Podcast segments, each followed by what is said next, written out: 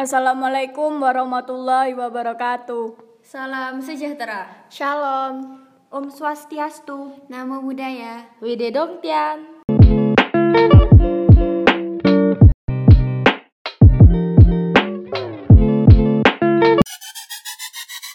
Hai hai hai. Welcome to Nacha Podcast.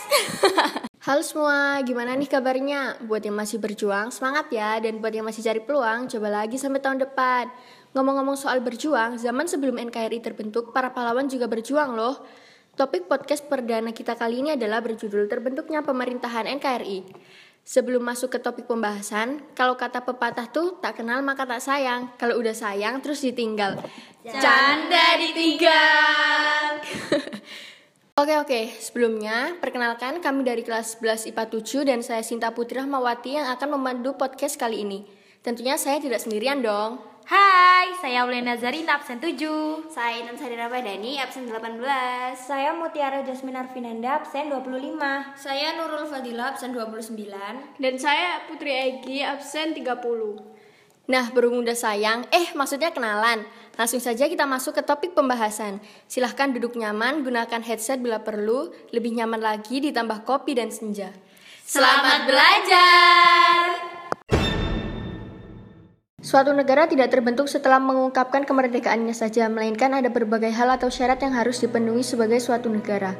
Indonesia memang telah memiliki beberapa syarat sebagai suatu negara, yaitu memiliki wilayah dan adanya rakyat.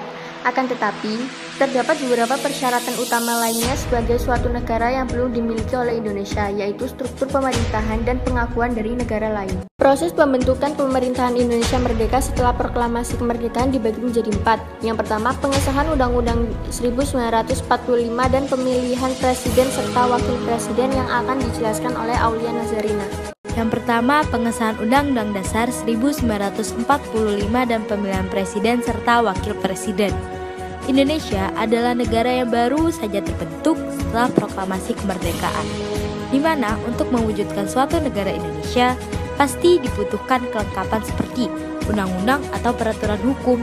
Oleh karena itu, sehari setelah proklamasi yaitu pada tanggal 18 Agustus 1945, bangsa Indonesia segera melakukan sidang melalui PPKI untuk membahas, mengambil keputusan, dan juga mengesahkan Undang-Undang Dasar. Sebelum sidang PPKI dimulai, Bung Hatta menemui tokoh-tokoh Islam seperti Kiai Bagus Hadi Kusumo, Wahid Hashim, Mr. Kasman Singodemejo, dan Teguh Hasan. Bung Hatta berhasil meyakinkan para tokoh Islam dan mereka sepakat untuk menghindari terjadinya perpecahan. Setelah diadakannya revisi isi draft pembukaan Undang-Undang Dasar yang tertera di dalam Piagam Jakarta, lahirlah rumusan teks Pancasila yang kemudian disahkan pada sidang PPKI tanggal 18 Agustus 1945. Sidang dilanjutkan dengan membahas bab per bab dan pasal demi pasal. Agenda utama dalam sidang selanjutnya adalah pemilihan presiden dan wakil presiden. Tetapi, atas usul Otto Iskandar Dinata, maka secara aklamasi terpilih Insinyur Soekarno sebagai Presiden Republik Indonesia dan Dr. Muhammad Hatta sebagai Wakil Presiden Republik Indonesia. Setelah Insinyur Soekarno terpilih menjadi presiden, ia menunjuk 9 orang anggota PPKI sebagai panitia kecil dipimpin oleh Otto Iskandar Dinata yang bertugas merumuskan pembagian wilayah negara Indonesia. Terdapat tiga hasil sidang PPKI pada tanggal 18 Agustus 1945.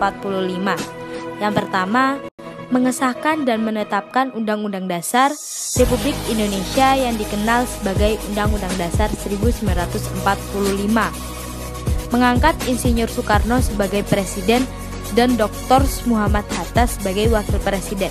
Dan yang terakhir, sebelum terbentuknya Majelis Permusyawaratan Rakyat, pekerjaan presiden untuk sementara waktu dibantu oleh Komite Nasional Indonesia. Selanjutnya, yang kedua adalah pembentukan departemen dan pemerintahan daerah dalam sidang PPKI kedua yang akan dijelaskan oleh Intan Sari. Setelah pengesahan Undang-Undang Dasar 1945 dan pemilihan presiden serta wakil presiden, Proses yang kedua adalah pembentukan Departemen Pemerintahan Daerah dalam sidang PPKI kedua yang dilaksanakan pada tanggal 19 Agustus 1945. Adapun hasil sidang PPKI kedua yang pertama adalah membentuk Kementerian dan Lembaga Negara Indonesia, yang kedua pembentukan provinsi serta pemimpin daerah, yang ketiga pembentukan badan-badan negara. Dalam membentuk kementerian dan lembaga negara Indonesia, Soekarno menuju Ahmad Subarjo, Sutarjo Karto Hadi Kusumo, dan Mr. Kasman untuk membentuk semacam panitia kecil yang bertujuan untuk merancang kementerian Indonesia dan lembaga negara dan membahas tentang pembentukan provinsi tetapi bukan personalianya atau bukan pejabatnya. Pada tanggal 2 September 1945, Presiden Soekarno menindaklanjuti dari panitia tersebut dengan membentuk Kabinet Pertama Indonesia. Susunan kementerian pertama berhasil disusun sesuai dengan ketentuan Undang-Undang Dasar 1945. Dalam kabinet presidensial ini, presiden berperan sebagai pemimpin kabinet dan kabinet bertanggung jawab kepada presiden. Adapun 12 de departemen atau kementerian sebagai berikut. Yang pertama, Menteri Dalam Negeri, Menteri Luar Negeri, Menteri Keuangan, Menteri Kehakiman, Menteri Kemakmuran, Menteri Keamanan Rakyat, Menteri Kesehatan, Menteri Pengajaran, Menteri Penerangan, Menteri Sosial, Menteri Pekerjaan Umum, dan Menteri Perhubungan. Selain 12 kementerian, ada juga empat menteri negara. Yang pertama Menteri Negara Wahid Hashim, Menteri Negara Dr. Muhammad Amir, Menteri Negara Mr. Raden Mas Sartono, Menteri Negara Raden Oto Iskandar Dinata. Lembaga tinggi negara yang diangkat secara menteri sebagai berikut. Yang pertama, Ketua Mahkamah Agung, Dr. Mr. Kusmat Maja, Jaksa Agung Gatot Taruma Miharja, Sekretaris Negara Abdul Ghafar Pringgo Dikdo, Juru Bicara Negara Soekarjo Wiro Pranoto. Kedua, pembentukan provinsi serta pemimpin daerah. Hasil pembagian provinsi juga diumumkan pada tanggal 2 September 1945 yang merupakan rekomendasi dari panitia kecil pimpinan Oto Iskandar Dinata. Adapun kedelapan provinsi tersebut beserta pemimpinnya sebagai berikut. Yang pertama, Provinsi Sumatera Tengku Muhammad Hasan, Jawa Barat Sutarjo Kartohadi Kusumo, Jawa Timur Raden Mas Tumenggung Aryo Surjo, Jawa Tengah Raden Panji Suroso, Sunda Kecil I Gusti Ketut Maluku Mr. Johannes Ratu Harhari, Sulawesi Dr. Gerungan Sol Samuel Jacob Ratulani, dan Kalimantan Insinyur Pangeran Muhammad Nur. Ketiga, pembentukan badan-badan negara. Pada tanggal 19 Agustus 1945 di Gedung Kebangkitan Rakyat Jawa di Jalan Gambir Selatan yang sekarang merupakan Jalan Merdeka Selatan nomor 10, Presiden Soekarno, Wakil Presiden Muhammad Hatta, Mr. Sartono, Suwerwirjo, Oto Iskandar Dinata, Soekarjo Wirjo Pranoto, Dr. Buntaran, Mr. Abdul Ghafar Pringgodikdo, Sotarjo Karto Hadikusumo, dan Dr. Tajuludin berkumpul untuk membahas kembali tentang KNI yang berdiri atas KNI Pusat atau KNIP dan KNI di daerah atau KNID. Selain itu, mereka juga membahas tentang keanggotaan KNIP.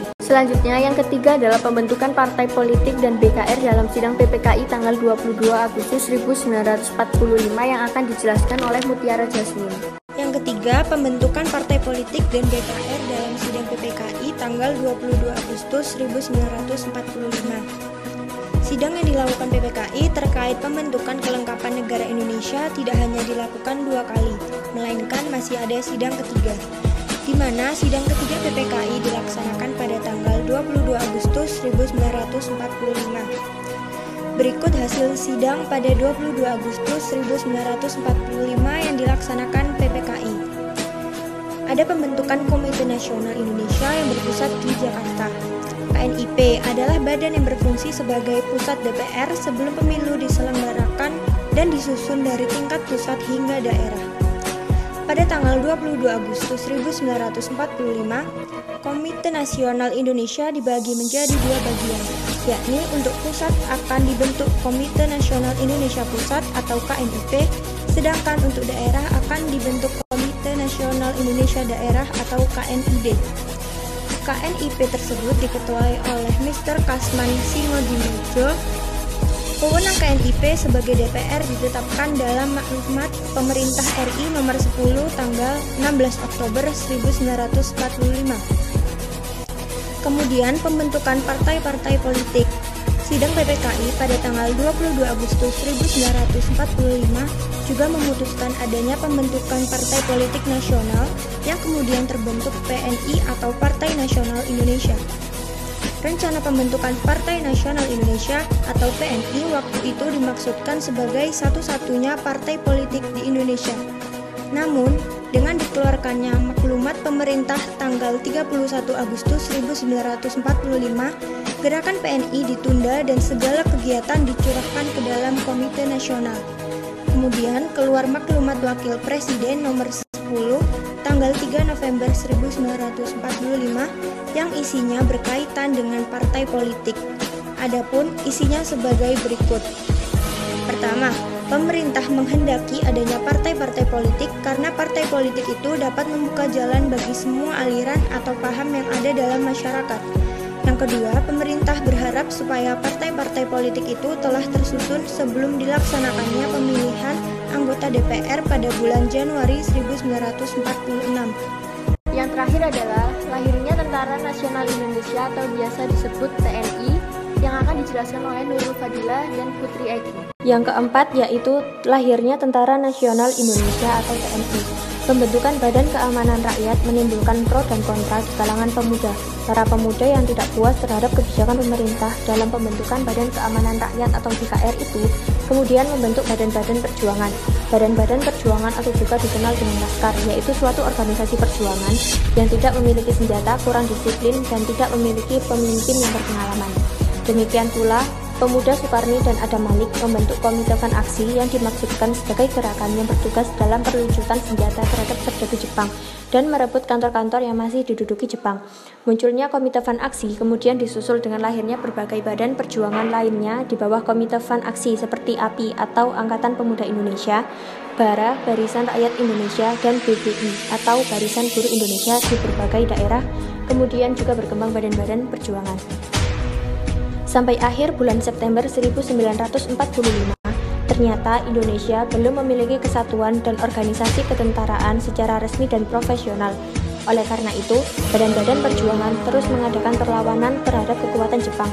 Angkatan Perang Inggris yang bergabung dalam SAGE atau Scotch East Asian Command mendarat di Jakarta pada tanggal 16 September 1945. Pasukan ini dipimpin Laksamana Muda Lord Louis Mountbatten yang mendesak pihak Jepang untuk mempertahankan status quo di Indonesia.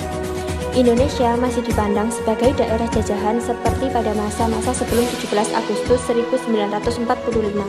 Dengan demikian, maka Jepang semakin keras dan berani untuk tetap mempertahankan diri dan melawan gerakan para pemuda yang sedang melakukan usaha perlucutan senjata dan perebutan kekuasaan. Pada tanggal 29 September 1945, mendarat lagi tentara Inggris yang dipimpin oleh Letnan Jenderal Sir Philip Richardson, panglima dari AFNE atau Alex Forces Netherlands East Indies.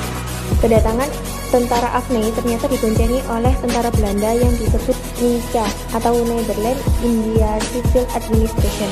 Hal ini menimbulkan kemarahan bagi bangsa Indonesia. Akhirnya pada tanggal 5 Oktober 1945 dikeluarkan maklumat Presiden yang menyatakan berdirinya Tentara Keamanan Rakyat atau TKR. Urip Sumoharjo diangkat sebagai Kepala Staf TKR. Sehari kemudian pemerintah mengeluarkan maklumat yang isinya mengangkat Supriyadi sebagai Menteri Keamanan Rakyat. Pada tanggal 12 November 1945 diadakan pemilihan pemimpin tertinggi TKR yang baru dan Kolonel Sudirman dipilih sebagai Panglima TKR. Kolonel Sudirman dilantik sebagai Panglima Besar TKR pada tanggal 18 Desember 1945 dengan pangkat Letnan Jenderal pada tanggal 1 Januari 1946 nama Tentara Keamanan Rakyat menjadi Tentara Keselamatan Rakyat. TKR diubah menjadi TRI pada tanggal 1 Januari 1946. Hal ini berdasarkan pada maklumat pemerintah tertanggal 26 Januari 1946 ditegaskan bahwa TRI merupakan tentara rakyat, tentara kebangsaan, atau tentara nasional. Di dalam lingkungan markas tertinggi, TRI Laut menjadi AIRI, TRI Udara menjadi AURI. Tanggal 5 Mei 1957 dikeluarkan dekret presiden yang berisi tentang pembentukan panitia yang disebut Panitia Pembentukan Organisasi Tentara Nasional. Mulai tanggal 3 Juni 1947 ditetapkan perubahan TRI menjadi TNI. Gimana nih, udah paham belum tentang terbentuknya pemerintahan NKRI? Harusnya sih udah dong. Ya udah, sekian dari kami. Terima kasih. Have a nice day.